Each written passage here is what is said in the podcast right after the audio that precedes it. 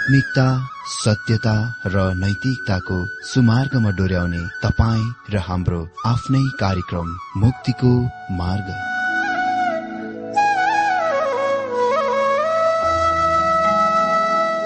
आदरणीय श्रोता यस मुक्तिको मार्ग कार्यक्रममा हार्दिक स्वागत छ आशा छ यस आत्मिक कार्यक्रमद्वारा जीवनमा आत्मिक आशिष अलौकिक शान्ति र आनन्द प्राप्त गर्नुहुनेछ।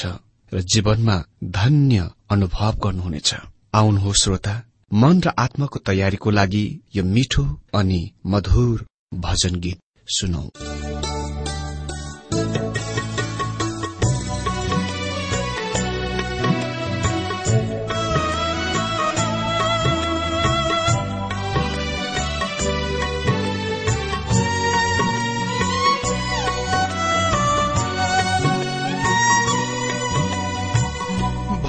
भजन मगाउँछु प्रभु। प्रशंसाले आज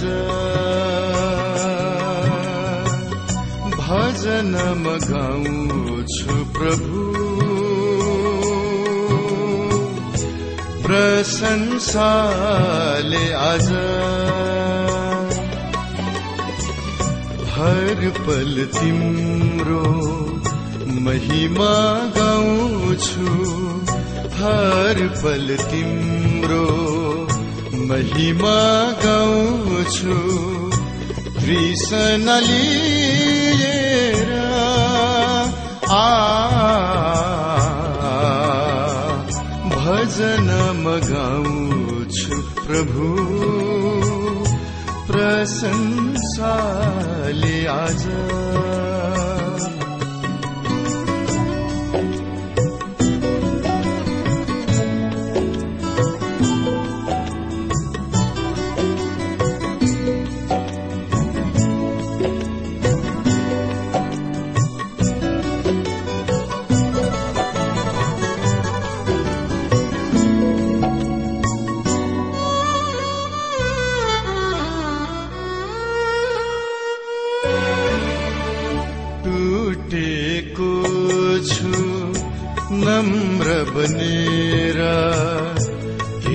केवल यसुमा आस्था राखेर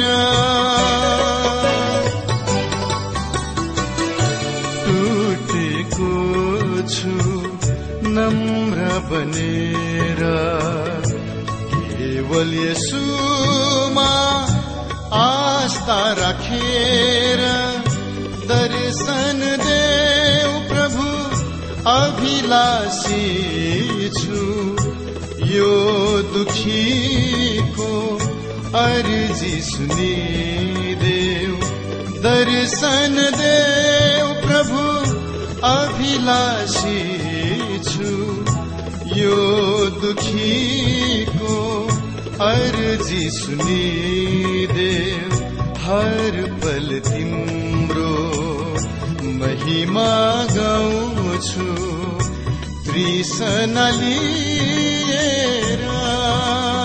आ। भजन मगाउँछु प्रभु। प्रशंसाले आज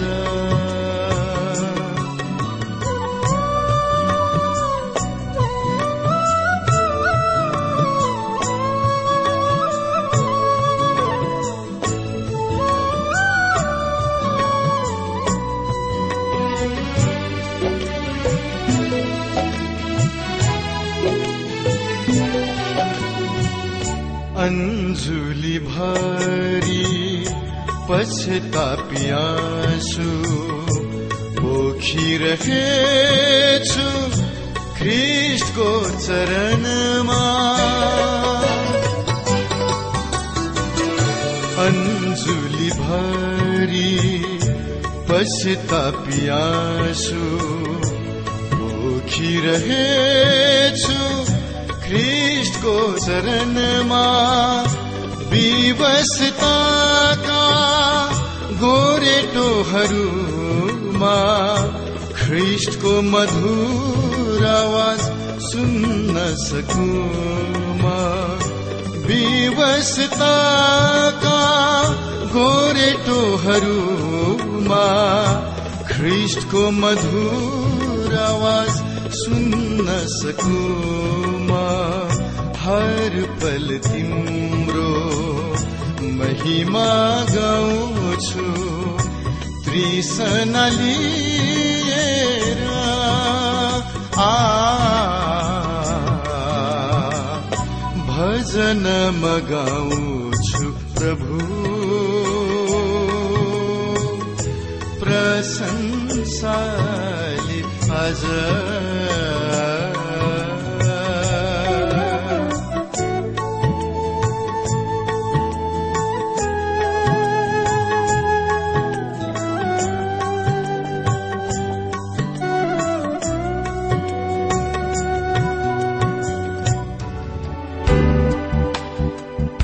प्रिय श्रोता यो प्रसारण मार्फत यो अवगत गराउन चाहन्छौ कि प्रभुको सेवाको लागि यहाँहरूको साझेदारी नित्यन्त आवश्यकता छ।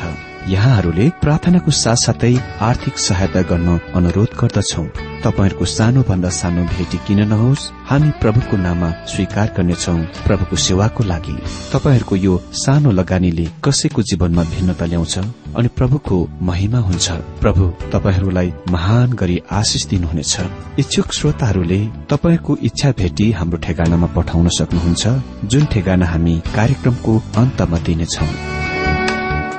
मित्र आज पनि तपाईँ सबैलाई तपाईँहरूकै यो आफ्नै कार्यक्रममा हार्दिक स्वागत छ।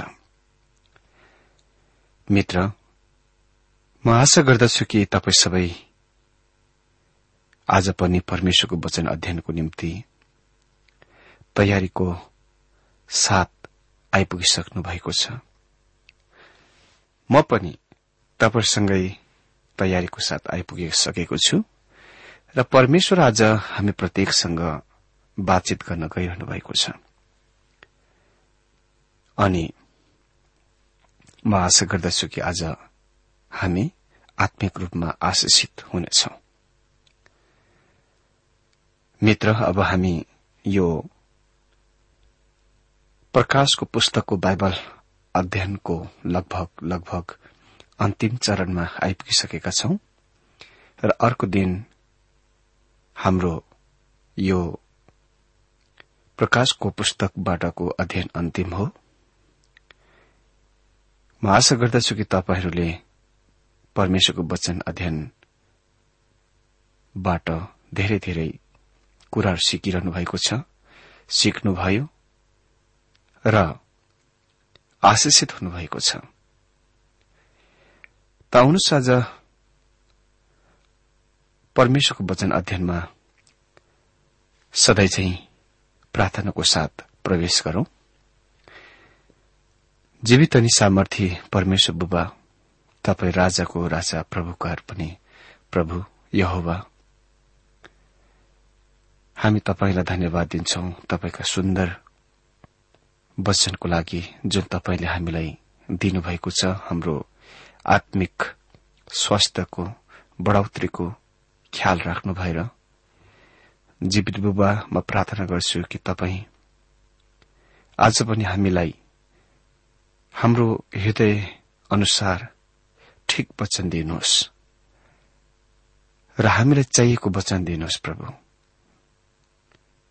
कुन कुरा हामीलाई आवश्यकता छ? तपाईँलाई थाहा छ। तपाईँको वचन दुई धारे तरवार जस्तो छ जुनले हामीलाई काट्दछ छाड्दछ अनि जुनले हामीलाई अगाडि बढ़ाउँछ डोर्याउँदछ मार्गदर्शन गर्छ। यो हाम्रो निम्ति सर्वेसर्वा हो। हाम्रो आत्मिक अवस्थाको निम्ति हरेक कुराको स्रोत हो। प्यार प्रभुजी यो समय हामी प्रत्येकलाई सदुपयोग गर्न र बडो गम्भीरतापूर्वक अध्ययन गर्नमा सहायता गर्नुहोस्। बाँकी समयले तपाईँको हातमा राख्छु। तपाईँको महिमा हुन सकेको होस्। येशु क्रिस्टको नाममा यो प्रार्थना माग्छु। आमेन। मित्र आज हामी बाइबल अध्ययन प्रकाश बाइस अध्यायबाट आरम्भ गर्न गइरहेका छौं। यस अध्यायले हामीलाई दृश्य सम्बन्धी आश्चर्यहरूका यो महान पुस्तकको अन्तिम दृश्यतिर ल्याउँदछ। यसले यसरी हामीलाई परमेश्वरको वचनको अन्ततिर ल्याउँदछ। परमेश्वरले यहाँ आफ्नो अन्तिम वचनहरू दिनुहुन्छ र तिनीहरू अन्तिम वचनहरू भएकोले गर्दा तिनीहरूसँग महान महत्वहरू र अर्थहरू छन्। हामीलाई मानिसको यात्राको अन्ततिर ल्याइएको छ। बाटो अति नै कठोर र कठिन छ। धेरै प्रश्नहरू अउत्तरै रहिरहेका छन्। उत्तर नपाई त्यसै रहेको छ। धेरै समस्याहरू समाधान नभई त्यसै रहेको छ। तर मानिस फेरि परमेश्वरसँगको संगतिमा अनन्ततामा अनन्त कालमा प्रवेश गर्नेछ र त्यहाँ ती सबैको उत्तर दिइनेछ बाइबल परमेश्वरको दृश्यमा उल्लेखसँग खोलिन्दछ। उत्पत्ति एक अध्यय एक पदमा हामी पढ्छौं शुरूमा वा आदिमा परमेश्वरले आकाश र पृथ्वी सृष्टि गर्नुभयो। अनि यो बाइबल दृश्यमा उहाँको र उहाँका आफ्नैको पूर्ण नियन्त्रणमा सँग अन्त हुँदछ। उहाँले दुःख भोग्नुभयो। उहाँले मूल्य तिर्नुभयो। र उहाँ मर्नुभयो। तर विजय र महिमा उहाँकै हुन्। र उहाँ सन्तुष्ट हुनुभएको छ। यसै या त्रिपन्न ध्येय एघार पदमा यसलाई यसरी भनिएको छ उसको प्राणको वेदना देखेर परमप्रभु सन्तुष्ट हुनुहुनेछ। आफ्नो ज्ञानद्वारा धर्मीजन मेरो दासले धेरैलाई धर्मीको गणना ल्याउनेछ। मतलब धर्मीको गणनामा ल्याउनेछ र उसले तिनीहरूका अधर्म बोक्नेछ। अमित्र आज हामी बाइबल अध्ययन प्रकाश बाइस अध्याय एकदेखि पाँच पदबाट देख्न गइरहेका छौं। यहाँ हामी देख्छौ जीवनको पानीको नदी र जीवनको रूख। प्रकाश बाइस अध्याय सुन्दर नयाँ यरुसलेमको विवरण र वर्णनसँग आरम्भ हुन्छ। प्रकाश बाइस अध्याय एक र दुई पदमा यस प्रकार लेखिएको छ अनि उनले मलाई परमेश्वर र थुमाको सिंहासनबाट बिल्लौर जस्तै सग्लो जीवनको पानीको स्वच्छ नदी निस्किरहेको देखाए।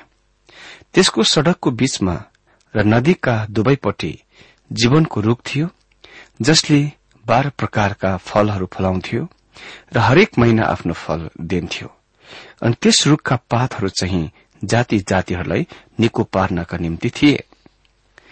यो अध्ययसम्म नयाँ यरुसलेम चाहिँ सबै खनिज पदार्थ भएको र कुनै वनस्पति जीवन नभएको जस्तो देखिन्दथ्यो। त्यसको प्रकट त्यसको दृश्य महान भव्य गरगहना आभूषण दोकानको आँखालाई तिरमिर गर्ने प्रदर्शन जस्तै छ। र हामी यस कुरामा अचम्म हुन्छौं होला। यो सोच्दै कि त्यहाँ कतै बस्ने सुन्दर नरम घाँस भएको मैदान छ। सुन्दर हरियो रूखहरू छन्। त्यसको आनन्द प्राप्त गर्नलाई पिउने पानी छ वा खाने भोजन छ। अमित्र यहाँ ती तत्वहरूको परिचय गराइएका छन् जुनले यस विस्तृत सुन्दरताको शहरमा सुनमा सुगन्ध थपिदिन्छ। पहिलो अदनको बगैँचामा एक नदी थियो जुनका चार शाखाहरू थिए। यद्यपि त्यहाँ प्रचुर मात्रामा पानी भए तापनि त्यसलाई जीवनको पानी भनिएको छैन। अदन रूख बोट बिरूवा वनस्पतिहरूको बगैँचा थियो जुनको बीचमा जीवनको रूख थियो। परमेश्वरले रगत खुन भएर मानिसको लागि बाटो खुला राखी दिनुभयो। वा खुला राखी राख्नुभयो। नयाँ यरुसलेम यसमा जीवनको पानीको नदी छ र परमेश्वरको सिंहासन त्यसको जीवित फोहरा हो जुनले प्रचुर मात्रामा पानीको पूर्ति गर्ने काम गर्छ। जीवनको रूख फलको रूख हो जुनले हरेक महिना बाह्रै महिना फल फलाइरहेको हुन्छ। त्यहाँ प्रचुरता प्रशस्तता र विविधता अनेक रूपतामा निरन्तर नित्य आपूर्ति छ। अनन्ततामा मानिसले खानेछ र पिउनेछ। अर्थात त्यस अनन्तकालमा मानिसले खानेछ पिउनेछ। मलाई निश्चय छ यो हामी धेरैको लागि महान चिन्ता पीरबाट छुटकाराको कुरा हो। मित्र त्यहाँ सबैले त्यहाँ कुनै धनी गरिब हुने छैन। त्यहाँ हुने सबैले प्रशस्त मात्रामा खान पिउन पाउनेछन्। अनि त्यहाँ विभिन्न व्यञ्जनका सूचीहरू र प्रकारहरू छन्। तर मित्र यो कुराको याद राखौं कि त्यस समयमा मानिसहरूको व्यञ्जन भोजन खाली फल फूलहरूका प्रकार वा व्यञ्जन मात्र हुनेछ। जस्तो कि अदनको बगैँचामा थियो। मानिसहरू सम्पूर्ण रूपमा शाकाहारी कन्दमूल फलफूल खानेहरू हुनेछन्।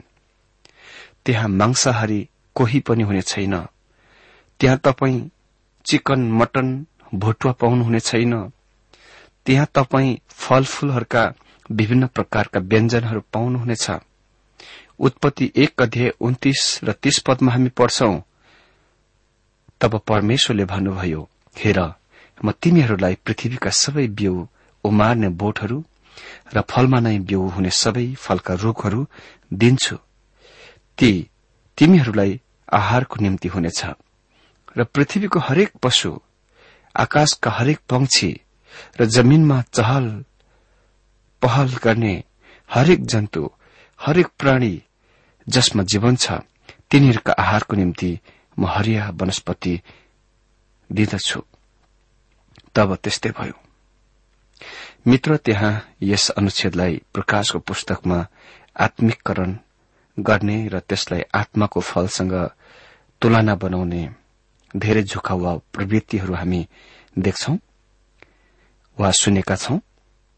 म त्यसको विरोध गर्दिन बरु त्यस विचारधारालाई म आफै पनि लिन्छु। तर मित्र यहाँ खास कुरा चाहिँ के हो भने हामी यसलाई अक्षरस रूपमा साँच्चीकै रूपमा लिनुपर्छ विचार गर्नुपर्छ। अनि तपाईँ यो पूरा खण्डभरि यसरी यी कुराहरूको लिन सक्नुहुन्छ। यद्यपि यो एकदम धेरै प्रतीकात्मक जस्तो देखाइ परे तापनि मलाई लाग्छ हामी त्यस कुरासँग व्यवहार गरिरहेका छौं जुन एकदम अक्षरस साँच्चीकै छ। किनकि हामी अझै स्वर्गीयको बारेमा कुरा गरिरहेका छौं। अरू त के? रूखको पातहरू पनि लाभकारी छ तिनीहरूसँग औषधि दवाईको महत्व छ। किन सिद्धपूर्ण ब्रह्माण्डमा चंगाईको वा जाति हुने कुराको निको हुने कुराको आवश्यक छ? यो एकदम असल प्रश्न हो। र त्यसको समाधान गर्न अलिक कठिन पनि छ। सम्भवत यो एक प्रकारको प्राथमिक चिकित्सा समान औजार जस्तै हो जुन पुरानो उखानमा छ। उपचार गरेर निको हुनभन्दा पहिल्यै सावधानी हुनु नै वा बचाउ नै उक्तम असल कुरा हो। व्यक्तिगत रूपमा म विश्वास गर्छु अनन्ततामा अनन्तकालमा पृथ्वीमा बसोबास गर्नेहरू त्यहाँका निवासीहरू चर्चमा विश्वासीहरूका शरीरबाट तिनीहरूको शरीर अलग किसिमको हुनेछ जो चाहिँ अर्थात विश्वासीहरू चाहिँ ख्रिस जस्तै हुनेछन्। यसको मतलब तिनीहरूका शरीर मतलब विश्वासीहरूको शरीर ख्रिस्टको जस्तै हुनेछ। महिमित शरीर। तर पृथ्वीका निवासीहरू वा बासिन्दाहरू समय समयमा कहिले कहीँ पुनः नयाँ गरिन पुनः नवीकरण गरिन आवश्यक पर्दछ। यो नै एक कारण हुन सक्छ तिनीहरू माथि नयाँ यरुसलेममा आउँदछन्। उहाँलाई आराधना गर्नलाई मात्र होइन तर शारीरिक रूपमा र आत्मिक रूपमा पुनः नयाँ गरिनलाई पनि। नवीकरण गरिनको निम्ति कमसे कममा त्यहाँ बचाउ त छ। तर पापको प्रदेशको सम्भावना त्यहाँ कति पनि छैन। अर्थात पाप आउने सम्भावना चाहिँ त्यहाँ कति पनि छैन। पद तीनदेखि पाँचमा हामी पढ्छौं यस प्रकार लेखिएको छ अनि त्यहाँ कुनै श्राप कहिले हुने छैन तर त्यसमा परमेश्वर र थुमाको सिंहासन हुनेछ अनि उहाँका दासहरूले उहाँको सेवा गर्नेछन् अनि उनीहरूले उहाँको अनुहार देख्नेछन् अनि उहाँको नाम उनीहरूका निधारमा हुनेछन्। अनि त्यहाँ रात हुने छैन अनि उनीहरूलाई न बत्तीको न घामको उज्यालोको खाँचो पर्छ किनकि प्रभु परमेश्वरले उनीहरूलाई ज्योति दिनुहुन्छ अनि उनीहरूले सदा सर्वदा राज्य गर्नेछन्। पहिलो सृष्टि पापको श्रापद्वारा नष्ट गरिएको थियो विकृत गरिएको थियो। र तपाईँ र म रहने यो पुरानो पृथ्वीले पापको श्रापको घाउको दागहरू अझै बोकेको छ। नयाँ सृष्टि पापद्वारा कहिले पनि विकृत गरिने छैन बिगारिने छैन। पापलाई कहिले पनि प्रवेश गर्न दिइने छैन। त्यहाँ त्यसको बिल्कुल पछिबाट विकसित हुने सम्भावना वा शक्ति हुने छैन। अदनको बगैँचामा असर र खराबको ज्ञानको रूखमा त्यो पछिबाट विकसित हुन सक्ने वा हुने सम्भावना थियो। परमेश्वरको र थुमाको उपस्थित नै त्यसको हुन नदिनलाई रोक्न काफी हुनेछ। अदनको बगैँचामा परमेश्वरको अनुपस्थितको बेला परीक्षा गर्ने शैतान हाम्रो पहिलो प्रथम आदिम माता पिता कहाँ आएथ्यो आदम र हब्बा कहाँ? परमेश्वरको र थुमाको सिंहासन नयाँ यरुसलेममा छ। यो परमेश्वर पिता र परमेश्वर पुत्रको प्रमुख मुख्य अड्डा जेनरल हेडक्वार्टर हो। प्रत्यक्ष रूपले पवित्र आत्माको उल्लेखको अनुपस्थितको सम्बन्धमा केही स्पष्टीकरणको आवश्यक पर्छ। पहिलो सृष्टिमा पवित्र आत्मा त्यहाँ अभिशाप गरिएको वा बिगारिएको विकृत गरिएको नष्ट गरिएको पृथ्वीलाई पुनः नयाँ गर्न नवीनीकरण गर्न आउनुभएको थियो। उत्पत्ति एकको दुई पदमा हामी पढ्छौं परमेश्वरको आत्मा पानीमाथि परिभ्रमण गर्दै रहनुहुन्थ्यो। उहाँ आज पापीहरूको जीवनहरू र हृदयहरूमा पुनर्जीवन आत्मोन्नतिको नयाँ बनाउने र नयाँ जन्मको मुख्य साधन अवसर हुनुहुन्छ। नयाँ सृष्टिमा यस सम्बन्धमा उहाँको कामको आवश्यक पर्ने छैन। त्यसकारण यस पोइन्टमा बिन्दुमा परमेश्वरको मौनता चाहिँ एकदम नै बोल्ने सिपालु कुरो हो। उहाँका दासहरूले उहाँको सेवा गर्नेछन्। यसले यो कुराको प्रकट गर्दछ कि स्वर्गीय केही नगरी आरामले र मजाले बस्ने स्थान होइन तर नित्य सधैँ भइरहने चलिरहने क्रियाकलापको स्थान हो। स्वस्थ लाभ गर्न शरीरलाई आराम गराउन कति पनि आवश्यक पर्ने छैन। सेवा शब्द विशेष र विशिष्ट शब्द हो।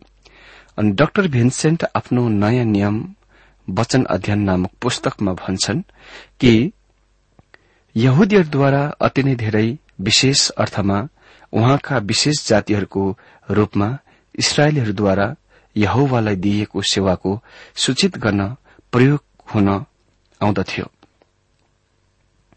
हामी यसको हिब्रूलाई लेखेको पत्रमा पढ्छौं हिब्रू नौको एक र छ पदमा तब साँच्चै त्यस पहिलो वाचामा पनि ईश्वरीय सेवाका रीति विधिहरू थिए र संसारिक पवित्र स्थान थियो।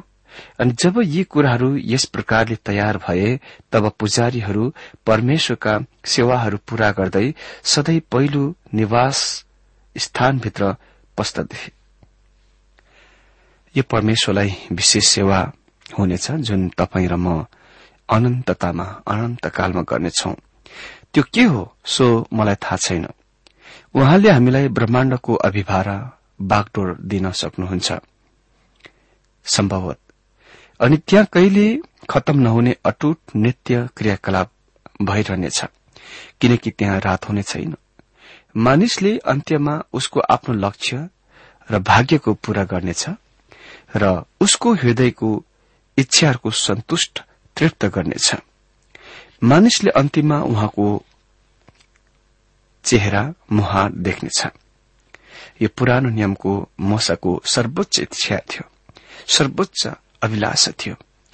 अनि नयाँ नियमको फिलिपीको पत्रमा हामी त्यो कुरा पावलको सर्वोच्च इच्छा भएको भेटाउँदछौ। यो जीवनको सर्वोच्च लक्ष्य हो। ओ कस्तो दिव्य सन्तुष्टि। अनि उहाँका नाम उनीहरूका निर्धारहरूमा हुनेछन्। प्रत्येक व्यक्तिले ख्रिष्टको नाम बोक्नेछ। हरेक व्यक्ति उहाँ जस्तै हुनेछ।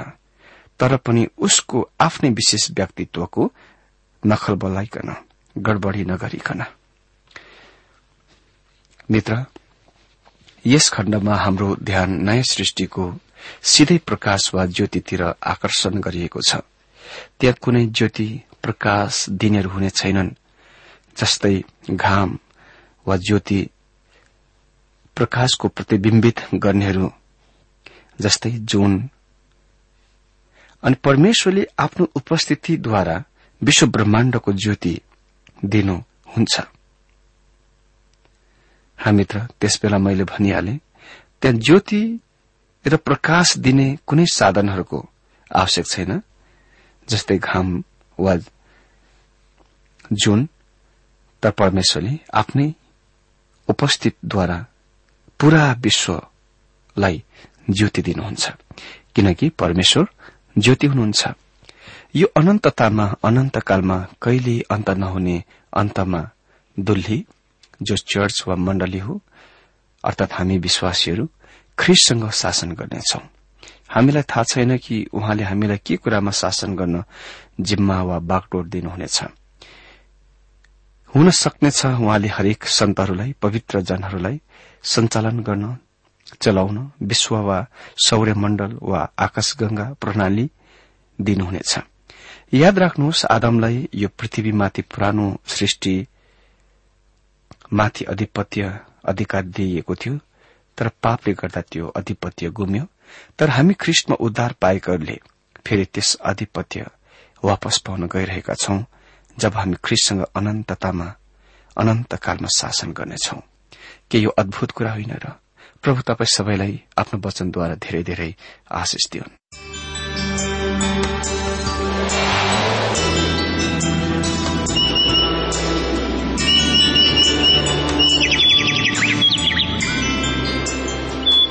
प्रिय श्रोता अहिले भर्खरै तपाईँले टीडब्ल्यूआर नेपालद्वारा संचालित आत्मिक कार्यक्रम मुक्तिको मार्ग सुनिरहनु भएको थियो। श्रोता आजको यो कार्यक्रम सुनेर तपाईँलाई कस्तो लाग्यो? यदि यो कार्यक्रम सुनेर मनमा कुनै खुल्दुली वा कुनै प्रतिक्रिया अर्थात सुझावहरू छन् भने हामीलाई पत्रद्वारा लेख्न सक्नुहुनेछ। हामी हृदयदेखि नै स्वागत गर्नेछौ स्वीकार गर्नेछौ साथै बाइबल सम्बन्धित प्रचारहरू कार्यक्रम सारणीहरू हामी अनुरोधमा पठाउन सक्छौ। अनि तपाईँसँग कुनै प्रार्थनाको विषय छन् भने हामीले तपाईँको लागि प्रार्थना गरेको चाहनुहुन्छ। चाहनुहुन्छ भने प्रभुमा आफ्नै परिवार सम्झेर हामीलाई पत्रमा लेख्न सक्नुहुनेछ। तपाईँको लागि हामी प्रभु येशुसँग प्रार्थना गर्नेछौ। अधिक जानकारी र पत्रचारको लागि हाम्रो ठेगाना यस प्रकार छ। कार्यक्रम मुक्तिको मार्ग जीपीओ नम्बर उनानब्बे पचहत्तर एपीसी पच्चिस एकसठी काठमाडौँ। ठेगाना एकपल्ट सुन्नुहोला। कार्यक्रम मुक्तिको मार्ग जीपीओ नम्बर उनानब्बे पचहत्तर एपीसी पच्चिस एकसठी काठमाडौँ। हाम्रो इमेल एड्रेस हो TWR Nepal at dot com. साथै यस नम्बरमा एसएमएस गर्न सक्नु सक्नुहुनेछ? अन्ठानब्बे चार सत्तरी पैतिस छ सय उनासी नौ आठ चार सात जिरो तीन पाँच छ सात नौ। हुन्छ श्रोता आजलाई हामी विदा चाहन्छौ। अर्को कार्यक्रममा हामी पुनः भेट्नेछौ तबसम्मलाई नमस्कार।